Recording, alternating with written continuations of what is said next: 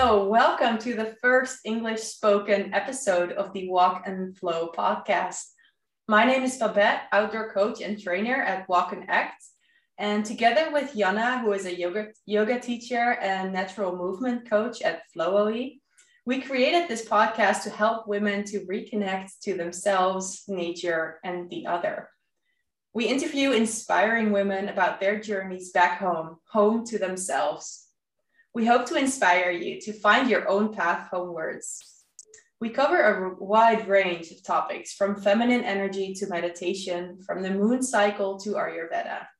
And that Ayurveda is the topic for today. I am honored and excited to welcome our first English speaking guest on the Walk and Flow podcast, Katie Silcox. So, first of all, a very warm welcome to you and thank you for being here.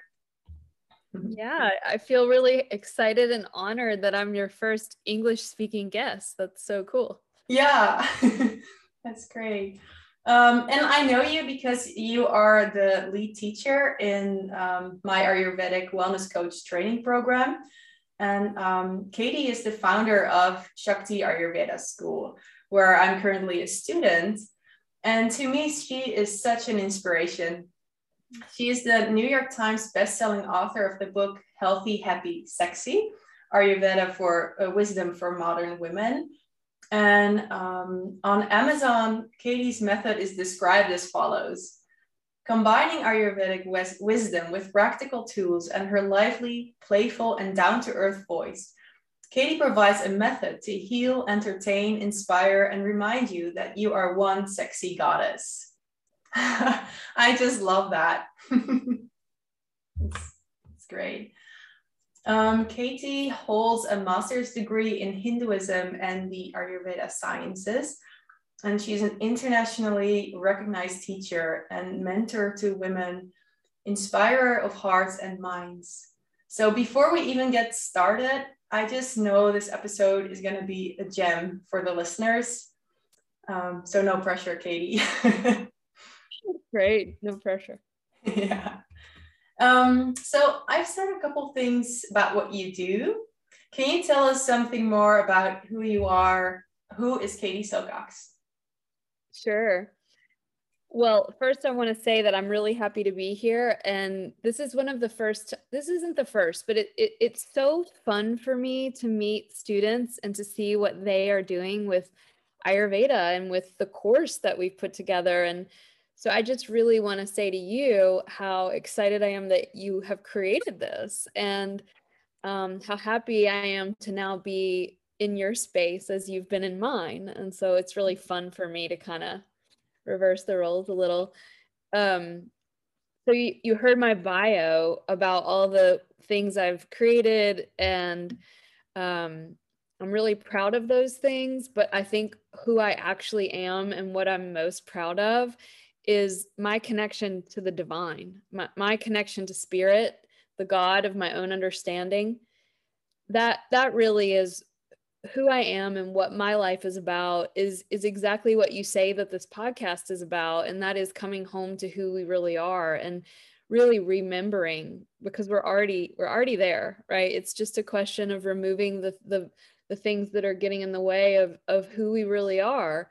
And so i think who i am is is probably you know we're all unique but who we are at our core is love and and presence. And so that that's actually who i am. I'm love and presence. And then it gets to express through you know i'm from the south in the united states. I'm a blonde. I'm this i'm that. And you know that that's all just like personality icing on the cake. And so that's that's i think a good way of stating the the broad vision yeah. Beautiful. Yeah. So for those listeners who are new to Ayurveda, could you maybe just in a nutshell tell us what it is all about? Yeah, so um, it's something that cannot be probably described in a nutshell, but I'll I'll give the Cliff Notes version of the way that I feel that the divine is asking me as a unique entity to translate something that's very old and very ancient. And so Ayurveda on one hand is this beautiful system from India that we know has existed for thousands of years that is the original written treatise on how human beings can work with nature in order to live the most long and healthy life as possible. And then we have on the other side, and you know, there's the whole practicality around what that looks like. And obviously, India is a huge country, and thousands of years is a really long time.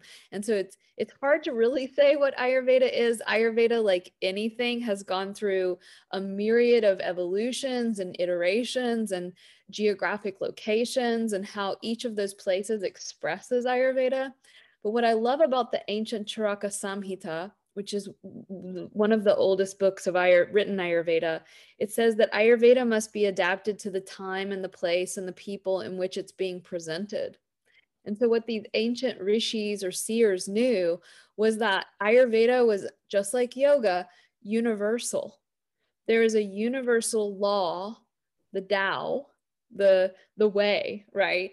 That it doesn't matter where you're from. You guys are in the Netherlands. I'm in the United States. We have many students from Canada, New Zealand, India, Africa. And each woman that comes to Shakti school will have this beautiful interpretation of this ancient way that's so applicable now that enables her to work with her geography, her family lineage, her body, her age, her culture, to express this universal law through her own being.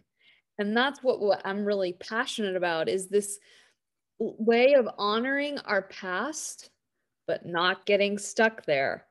And to be able to evolve and move into the future and become these co-creators with this divine evolutionary force so that was not a nutshell but it's the best i could do oh, it was pretty good i think pretty sure yeah, what you're saying really reminds me of a question I once, well, a couple weeks ago, posed in um, in class. That was about uh, fall being the Vata season and um, some of the qualities of Vata, which you can maybe explain a little bit more in detail a little bit.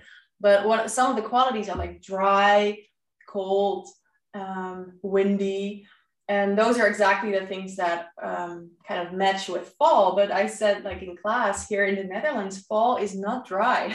It rains a lot. Um, like today yeah today is very sunny but that's a um, yeah it's usually it's very rainy. So i was like so how does that work if you know um, according to the system um, fall is vata season and dry and cold and, and etc and here it is wet? Is it like a combination of vata and kapha and or yeah, should I see that differently? And let's make it even more complicated. What if your what if your nature is kapha? And what if your nature is vata? Then what? So I don't know how much your listeners know about Ayurveda, but basically we divide reality into these categories the five elements fire, water, earth, air, space. And these categories, the doshas, vata, pitta, and kapha, which is a combination of those five elements. And you are going to have a tendency to be more like one of those categories. And you're also a unique combination, like a thumbprint of all of those categories. That's what makes us totally similar, AKA, we're humans, and also infinitely variable right? And so nature loves categories, but she also loves infinite diversity. And I mean, we can think about that on every level in the world right now. Everyone's talking about diversity, diversity, diversity, right? And nature loves diversity. So we should love diversity. Mm-hmm. And we should love the diversity inside of our own selves. So there's this beautiful thing called a map of reality that uses these five elements to understand almost everything. Now, here's the problem that we encounter that you, Babette, have encountered, and every student that comes through the Shakti school asks the same question in a different form, right? And that is, but what about this? And so I wanted to make a t-shirt that said, one answer to every question in Ayurveda is, it, it depends. Yeah. She's a good student. So this is a map just a map. It's not real. You're real. Mm. I'm real. The Netherlands is real and it's wet, and I'm in Virginia and it's wet. And that map, if you wanted to go to Paris and I handed you a map, it's going to be helpful and beneficial for you before the internet, we can imagine, right? When we had the map. But if you laid the map down and started walking on the map, we would think you're crazy. And I think that's where we have to really watch out. With any rules based system, it can quickly become an indoctrination and a fundamentalism. And that's what happened to religion. So, what we want to make sure is that we use the map for what it's for, just like we need to use this thing called the iPhone for what it's for, and not think that this is our lover and our mother and our best friend. It's the same thing with Ayurveda. Right now, it is rainy. So, so that's kind of the broad answer. But specifically, what I would also say is just because it's raining doesn't mean Vata dosha isn't predominant. In other words, air and ether are predominant in the fall. The greater force is predominant, although it's raining. So you can see this in every season. In the middle of the summer, it's the pitta season, so it's fire, right? And you can call me up and go, But Katie, it's raining. And I would say, yeah, that's water. That's not fire, right? And it doesn't, you know, within fire, there is a little bit of water. Within air, there's always a little bit of space and a little bit of uh, element of earth. And so these maps we have to sort of see as kaleidoscopes that are going to help reveal patterns so we can understand that which can never be put into a category. And that's interesting that's that's what we really want to look for. Mm, yeah.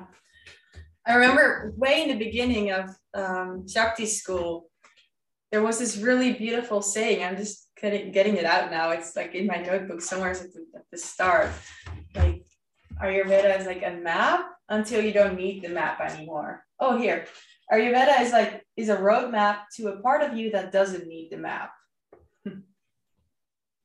100 percent. Yeah. There's part of us that doesn't need to stretch our hamstrings, that doesn't need to take an herb, that doesn't need to go to therapy, that doesn't need to, you know, self improve and create New Year's resolutions. And that part is is is so available all the time. And so what Ayurveda and I think any good spiritual practice is really about is helping us just remember because we forget all the time. And and that's really the game of life. Yeah. Remember. Yeah. So um just comes to mind that um, in episode nine i go into the basics of ayurveda. So in case anyone listening now is like oh i want to know more about the the basics um, I refer to that one. It's in Dutch though, but um, yeah, it's like a nice podcast about the basic. But maybe you can also um, say a little bit more about these uh, three doshas that we already briefly mentioned. Sure. The quick version, which is often the best version, because if you can't explain things very simply and succinctly, you usually don't quite understand them. Not that I think that I fully understand Ayurveda. The more I study, the more I'm amazed uh, um, and humbled by by reality. But essentially, when when earth and water, you can imagine it in your mind. When they come together, they make this sort of muddy substance that's not bad. It's like cement. it's the thing that makes things solid and stable. And that element is called kapha, and it's it is that very thing. It's tends to be cooler and more stable and hard to move and strong. And um, when fire and a little bit of oil or water come together, they make pitta. And that is this element of transformation and metabolism, whereas kapha is the element of stabilization and materialization and then when air and a little bit of of space or ether come together like you can think of the wind that blows through a room or a you know when you're outside you know that it's moving that's the vata through something. That's the space the ether. And so the that is the principle vata is the principle of the force that degenerates things and breaks things down and we can be like oh that's negative right? And it kills things off. And if you're in the fall we see that the leaves go from green to brown and they fall off the tree.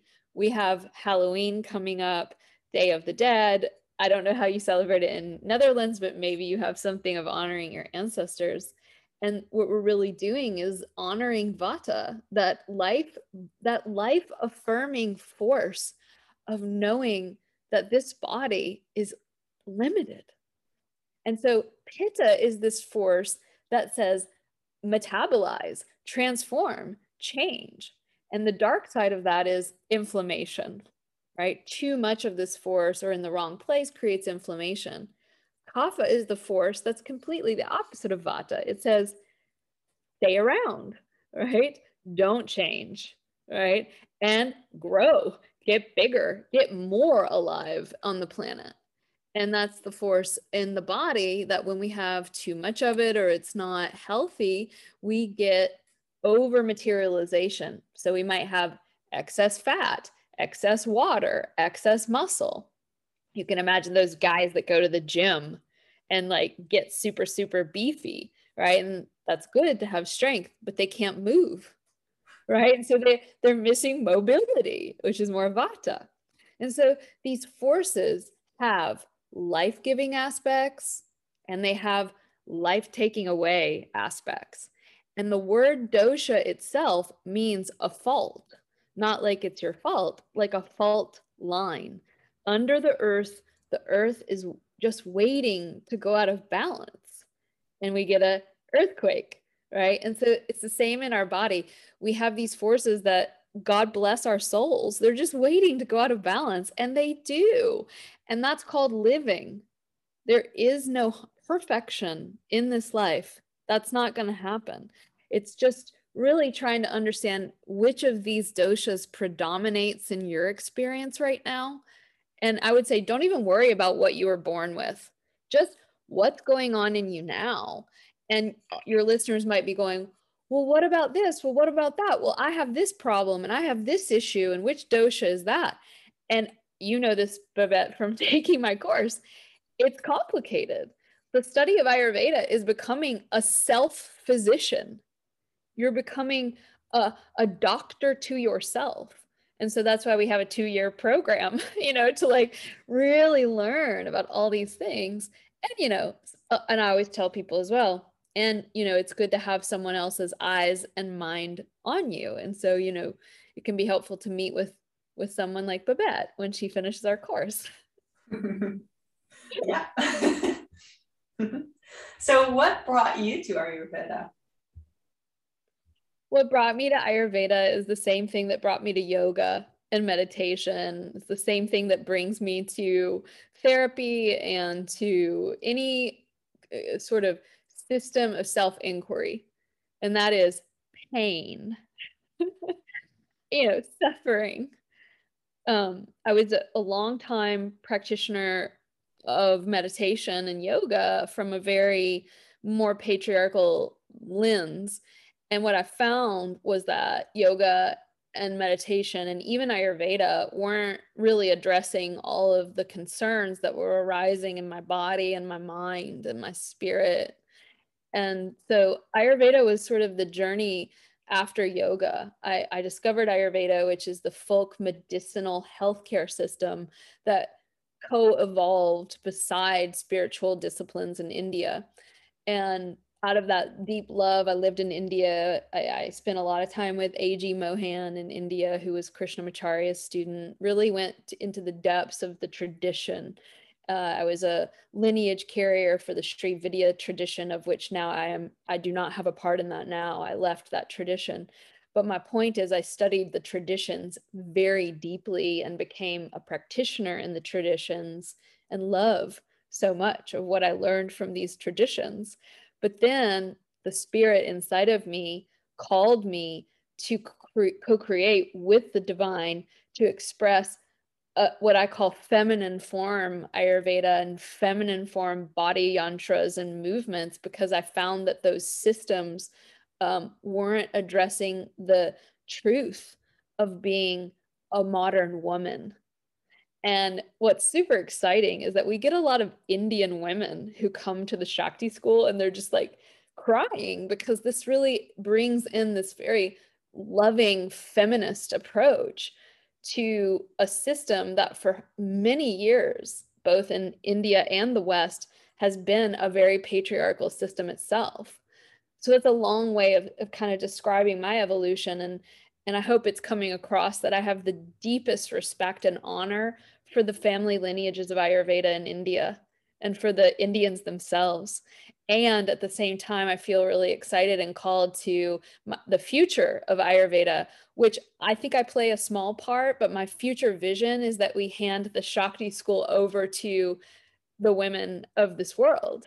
And indian women african women nor uh, you know women from norway just everywhere right? The the the new teacher or guru of the future of not only ayurveda but yoga christianity judaism the future doesn't lie in one person or one guy you know at the front of the church telling us about god the future is that the group consciousness is the new teacher.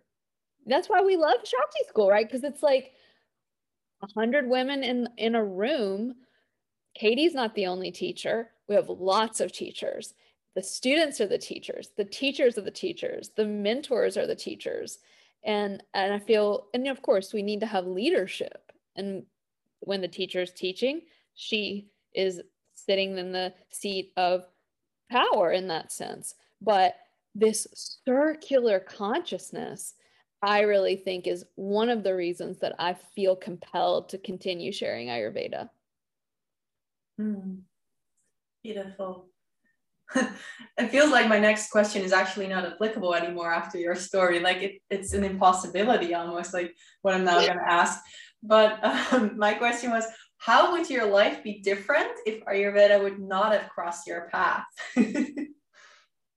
Madre mia. I mean, I don't know. I think I don't I don't know. So here's a short, tiny, sweet answer. The short, tiny, sweet answer is without learning yoga and Ayurveda, I don't know, Babette, but definitely not a good path in the sense that meditation and Eastern philosophy opened my mind out of the limitation of what I had grown up with in the American South growing up as a Southern Baptist girl.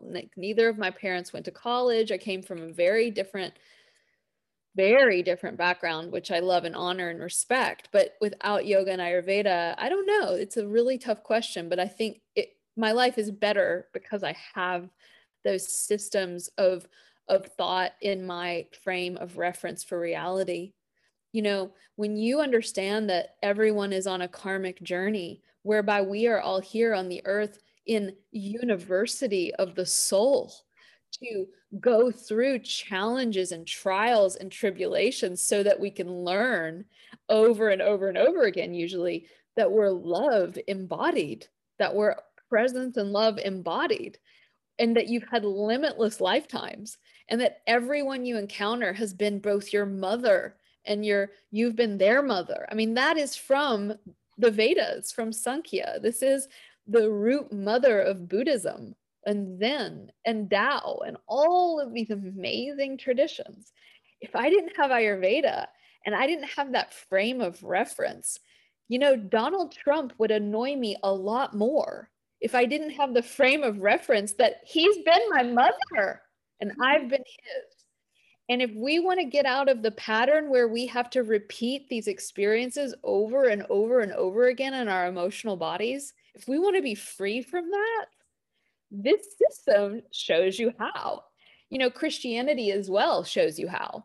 Christian mysticism shows you how you know and so i'm very interested in that system as of this moment but i feel so grateful because what i see on this planet right now babette, and you guys know that the united states is the epicenter of this polarized consciousness i am so grateful for these ancient teachings that help you be free from getting caught in the brain programming that the entire planet has undergone i mean not to get too wacky on you, but we've all undergone a trauma with coronavirus. Hmm. the global consciousness has never undergone trauma psychologically in this way. And and so you know, we could go in deeply around what that does to people. And I'm not saying I'm perfect and that I didn't get caught up as well, but I'm freer now, right? Because of Ayurveda and yoga and that system of understanding that everyone's been my mother and everyone's been my brother. And if I want to be free, I have to do whatever I can every day to get myself in the vibrational state where I know that through and through. Yeah, it's a daily practice. Daily practice. And I'm so reactive, as you can probably tell. You know, I'm a fiery creature. That's how God made me. And so every day I just react, you know, and and so my practice is really not that I have to be perfect, but that I notice that reaction and that I spend some time coming out of it before I because I don't want to repeat it. Mm. Yeah. Well, that weaves in really nicely with what I wanted to ask ask you next. Um, daily practices, because um, one very interesting and practical aspect of Ayurveda is uh, for for modern day humans too is the concept of dinacharya. Can you tell me what that is? Yeah, dinacharya means daily. Well, we could say it means daily routine but what if we break it dina means daily ritu in sanskrit means rhythm. So the daily rhythm. And this idea is that your mind is so much quicker than your body. Your mind loves to live in the past and the future. Your body does not. It's like we're jerking our body around and the body just wants to be here now. And the spirit just wants to be here now. And the dinacharya is the way that we honor that rhythm of how the body, what the body needs to be healthy, um, and what the spirit needs to be known. And so, it, of course, we have the practical physiological aspects of dinacharya, like getting up and drinking lemon water and scraping your tongue and you know maybe doing some breath work and meditation and maybe oiling your body you know although that one always gets left out of my dinacharya. I end up doing it in the night. But you have all these practical things you can do sadhanas you know service sadhanas around practices around your lunchtime maybe saying a blessing before you eat and letting your food digest as you lay on one side. And you know there are these ideals right? And then there's the reality of life. And then of course we have nighty night routines and things we can do that make it more likely that the body will be happy for sleeping. But a, but another part of our dinacharya or our daily rhythm is not just the body it's the spiritual dinacharya. So what what is a part of my everyday routine that enables me to continue to digest my past experiences so that I can step into the person that I'm becoming in the future. How do you do that? well, meaning spiritually or uh, in general, the whole my daily routine. Well, actually, I'm interested in both. How do you know God? That's a that's a good question. So I'll just speak um I'll speak practically. Not I'll, I'll try not to be so esoteric. So in the morning I, I wake up very early. It's not always something that I choose. It just seems like what happens. Like in English we could call it the witching hour, when the witches wake up. So I tend to get up anywhere from 4:30 to to 6 a.m. And when I am living my best life, I, you know, drink some lemon water. I might take some triphala, which is a great herb to get your digestive tract tonified and elimination. I every morning try to read some kind of spiritual inspiring words and maybe journal and um, every day I, I do a meditation of some sort or a prayer or a singing for God. That's that I never fail on.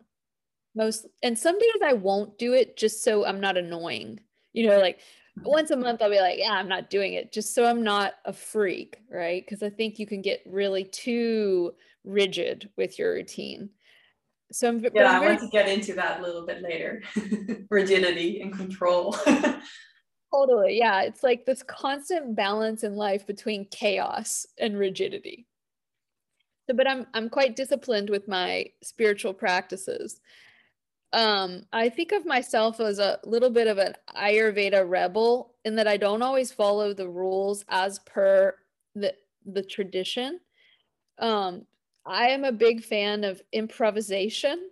And so, you know, I don't do the same routine every day. I I think and Ayurveda does agree with this. Like your daily routine isn't this list. So if everyone goes and gets my book or they come to Shakti school, we have a daily routine recommendation. It looks very similar to another school's recommendation or another book's recommendation. But what I really encourage Shakti school students to do and those who are listening is create your daily routine. It's going to look different if you have a two year old and you're a single mom of any age, children. It's going to look different if you have a, a, an aging parent, right? And so the, there's so many loving, compassionate lenses through which we must, must see the daily routine. But going back, I really do try, unless I'm traveling, to make food preparation in the morning a big part of my daily routine. If I can plan what I'm going to eat and even cook it in the first hour or two of my morning after my spiritual practices, and I exercise after that, I exercise every single day unless I'm on my period and then I take a break. Um, I get my food going, and that that's so important because then I have home cooked food. I know what I'm eating. I'm fiery and I like to use food to ground. And so if I don't have it made, I'm way more likely to order some takeout that's not going to be made with love or have very good oils and, you know, things in it. Or I'm more likely to overeat. So making food is super important. And then in the afternoon, I take some time. Sometimes it's five minutes, sometimes it's 45 minutes, depending on the kind of day I have. And I do another meditation. Sometimes I lay on a bolster and I just do some, you know, body yantra, moving my legs and feeling my bones. Sometimes I'll do a recorded meditation, but in the afternoon is really when that vata time is high. And I really try to let myself rest. Um, I know not everyone has that luxury, but if you are at work, even just taking five minutes, two minutes, doing some deep grounding and breathing can be really life changing. Mm-hmm. So, can you briefly say something about these spiritual aspects of what I do? Mm-hmm. That's like asking me to take off my metaphysical clothing, but I'm I'm lucky for you. I'm not that uh, shy.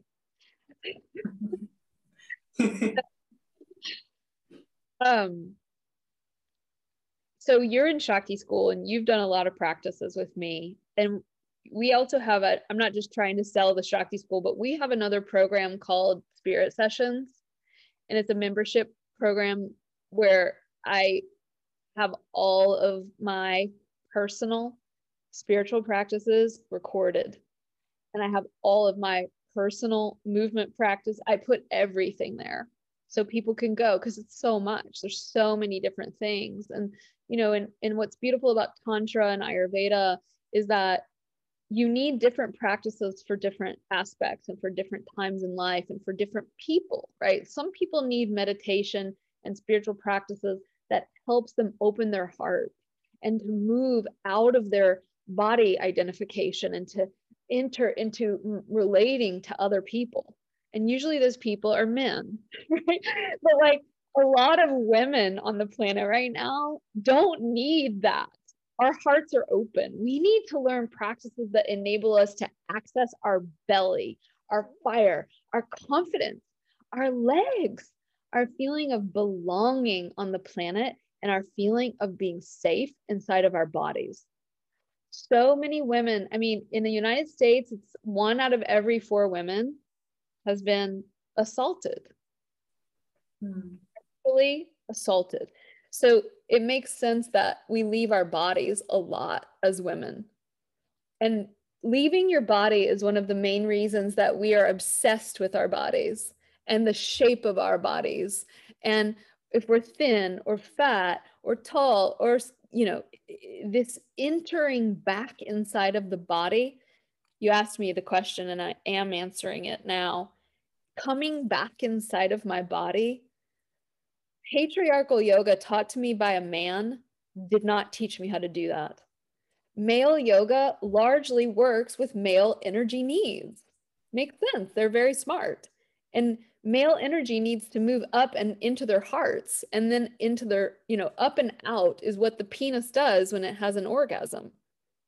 Think about how you have an orgasm it swirls on the inside and fills your whole body like tingling honey. And it swirls and it swirls and it goes down and it goes in all directions. And that's why men, after an orgasm, fall asleep.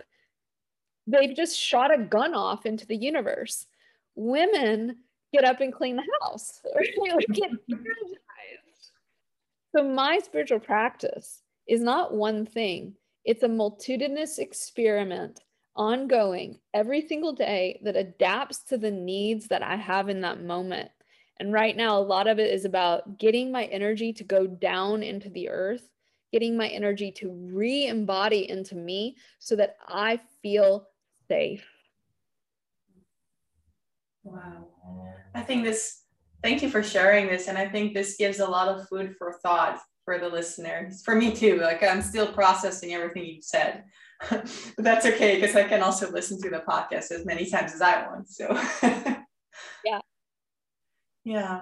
So you already mentioned like the whole idea of like um yeah, many women, but also men that are uncertain about the way they look and being so like yeah, stuck in this whole pattern of what our society says is like the, the current beauty standards, size zero, etc um, myself included. I noticed that in myself too. Um, what, yeah, what would you say about this whole beauty image of our culture? Well, I've thought a lot about it. You know, have I, I I've just finished my third book.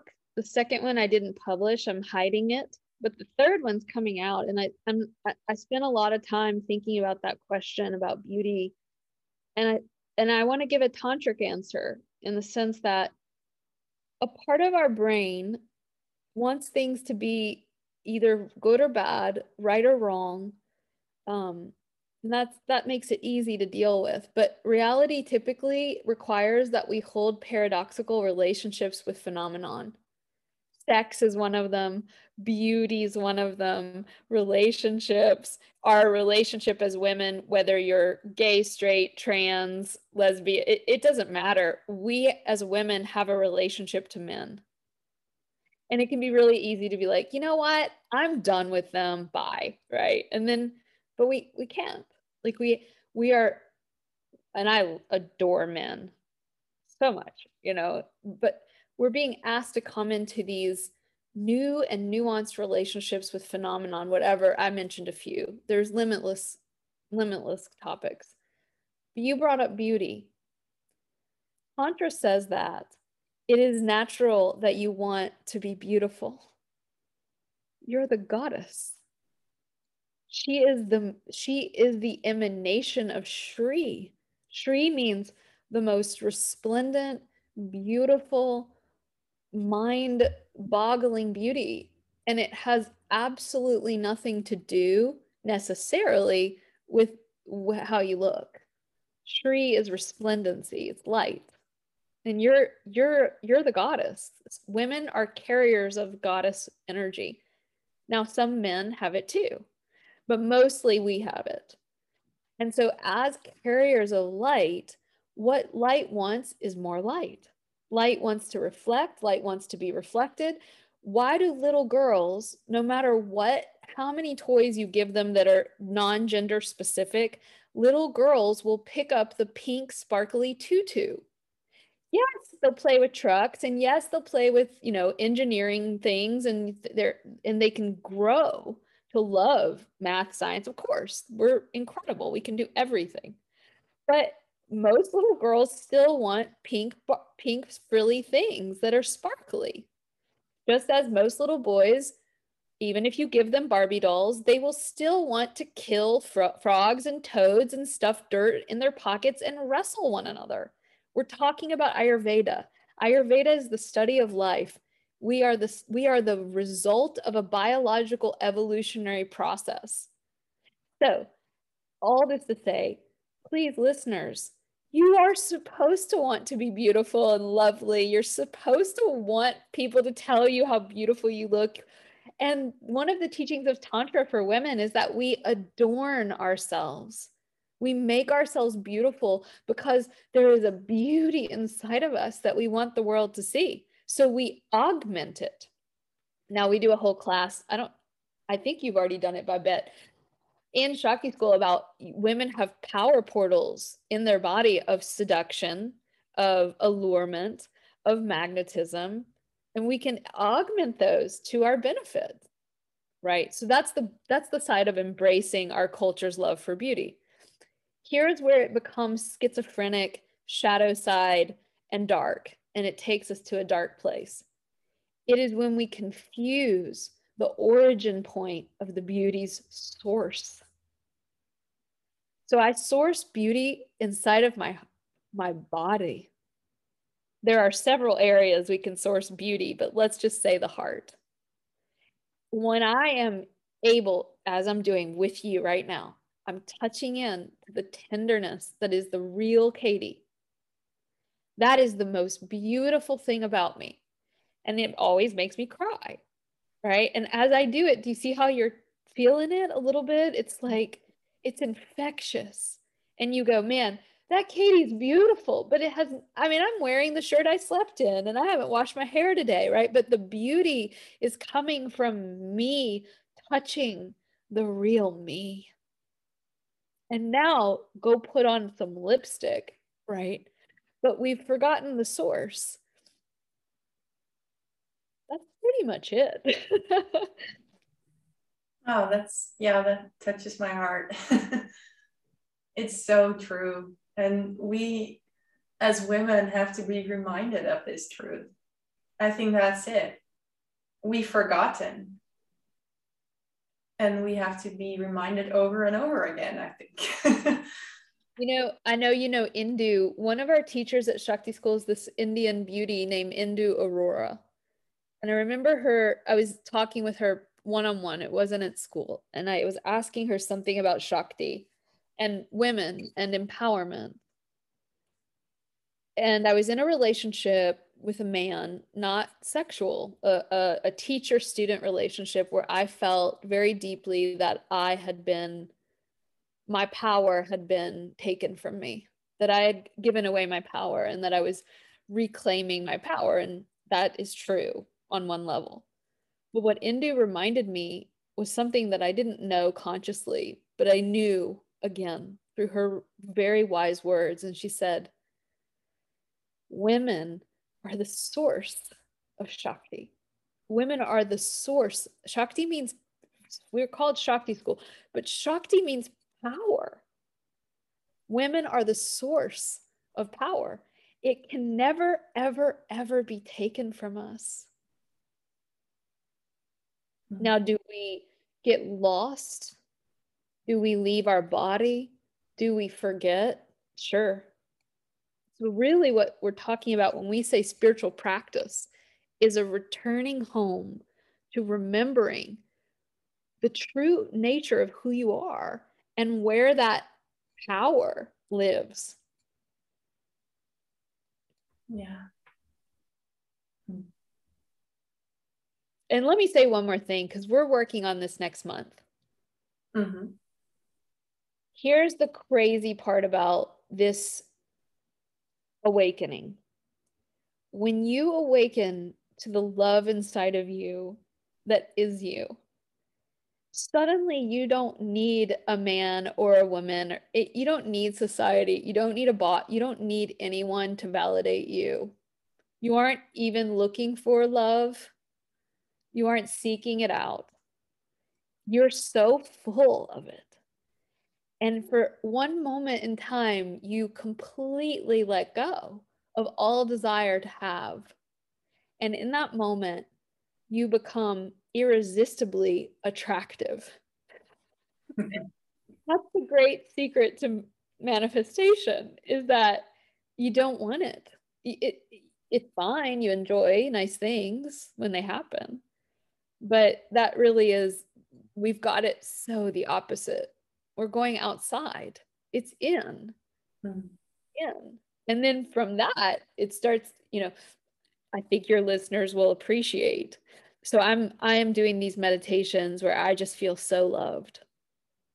And it's just it's God, but it's just me and you know you are god we are god god is a cosmic force and intelligence outside of us but it also lives in our hearts. And i'm in such a love affair right now babette with this divine love that lives in me that i'm more and more waking up to and i'm sitting on the airplane and i'm a single lady. So you know if you have any hot you know brothers out there listening i'm willing to move to northern europe. But anyways i'm sitting on the sitting on the airplane and I'm just so absorbed in this sweet sweetness of my presence and love that is me that is inside of me. And I was was not even thinking about anything right? But I was remembering after it happened this man and you know we're in the airports we're in the airplane we have on masks. You know I had on a sweatshirt with the hood over and a mask. Can you imagine anything less beautiful than the mask N95 and the hood, you know? So sexy. sexy. I'm wearing an American outfit, right? A sweatpants and tennis shoes and that, right? Not hot. And so I'm sitting there absorbed in this meditation of love. And this man sits down beside me and he looks at me. And I'm like, and I saw him. It's like he was seeing something beautiful. And I'm telling you, it wasn't my physical presence, it was the energy coming from my heart. And he said to me, So, where are you going? I mean, he totally hit on me. He asked me what I did, and he wanted to know my name, and he wanted to know what book I wrote because I'm sure he's going to Google me. And like all of this to say, in that moment, I, I knew that was a sign from God. You don't have to do anything, especially as a woman. Let it come to you. And how do we get it to come to us? We become magnetic. And how do we become magnetic? We remember who we are. And who are we? Kindness. Now, if the world needs one thing right now, it's that. Yeah. And it's it's women, but it's everybody. Yeah, thanks for that reminder and that beautiful story. I love it. The air, the airplane guy. So I kind of want to wrap up our conversation, but I just have one more question that I referred to earlier that I would like to ask you. Um, that is about like not getting stuck in a system of rules. Like a lot of women tend to do, like, you know, for, for example, in Ayurveda, your type is Vata, so you should do this and this and not that. Um, and it can be very rigid and controlling. Yeah. Do you have any advice to avoid this pitfall? Sure. well, I I can talk about anything because I'm a good talker, but here's the truth. It's something I struggle with a lot myself and you know, one of the problems when you create an Ayurveda school is that then imagine the amount of guilt that I have if I don't live up to all the rules. And I'm just blowing that up. You know how honest I am with you guys. I am a half baked bun in the oven meaning I'm not done. I'm cooking. My students are half baked buns. We're in the oven. We're cooking, right? We have this idea, and women are particularly susceptible to it. And that is there's going to be this outside source that's going to come in and tell me what to do. And guess what? That's okay. It feels so good to have someone, right? Just tell me what to do. And then I'll just do it and everything will work out. That could be a husband, that could be a boss, that could be a guru, that could be a therapist.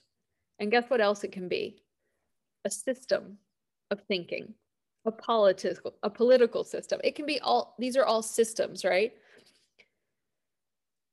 So, how do we extract the beauty of the map that we spoke of before, while at the same time owning our own sense of adaptability and flexibility? And the key word here is intuition. Women are the carriers of intuition. Women are the carriers also of birth and death, and women are the carriers of the medicine systems. In India, as in most countries in the world, the medicine system was carried by women, evolved by women, practiced by women, done by women on people who were dead and dying. And we didn't have time to write books about it. And when we did write books about it, later they were uh, uh, many times burned. Okay, so men have written most of the codified knowledge around this stuff. But let's be very clear Ayurveda and any medicinal system, Northern Europe, Southern Europe, all over Africa, Asia, globally, women are the carriers of this, and it's been an oral tradition. And it's been an intuitive tradition. People say, Who's your teacher? And I say, Well, I have all these great mentors who I love and honor and bow before with all my great respect. But the only guru is inside of my body. So, how do we not be so wild that we completely deny all rules from the past? And how do we lean into the rules in a way that also honors our intuition? And the only way that I have found where that works is where I do what I call throughout the day the holy pause. You're in Ayurveda school. I've been studying Ayurveda and yoga for 20 years. I know enough, right? Babette, you after one year of Ayurveda school will know more than 99% of people in your country about Ayurveda. You will, right? So we can be humble, but that's true. And so in that moment, the holy pause is I take a moment, I put my hand on my heart, and I just say, what do I need to eat right now? And even though Ayurveda may say X, X, and X is the perfect thing for today's fall season, something else might come through nine times out of 10, what my body tells me I need is pretty much in alignment with the rules. but every now and then, I need a blueberry greens smoothie in the middle of the winter. I do. Why? Because I have inflammation, because I'm fiery, because my digestive system was low and I need something light. That is how we balance it. That holy pause where we take all the information we've downloaded with one side of our brain and now we take it to the true ruler of our brain, which is not that side, right? Mm-hmm. To actually see the connected, constellated, multifaceted wholeness that wants to make a decision. Hmm. Yeah, great. The, the holy pause. Yeah, that's a good one. So, is there anything else you would like to say or share as we're wrapping up? No, I, I think just that I'm grateful you and I got to have some one on one, although I did most of the talking as per usual. Um, and I'm I'm really grateful that you've had me here. And obviously, people can check out the Shakti School. It's the ShaktiSchool.com. We have a our next new program starts in January for 2022, and we love our Northern European women. I'm not trying to group you guys, but you guys bring such a beautiful spirit to our school. And so I'm just so grateful that we have people like you and and to see what you're doing with it through the podcast, nothing can make me happier. So mm-hmm. thank you. Thank you. And I'm glad you talk mostly because I can make plenty of episodes with myself talking if I want to. So you should have been talking most of the time and you did. thank you for your wisdom and your sharing and your your honesty and your true you who's shining through at this moment and throughout the conversation. Yeah. Likewise, I mm-hmm. see you too. Thank you. Thank you.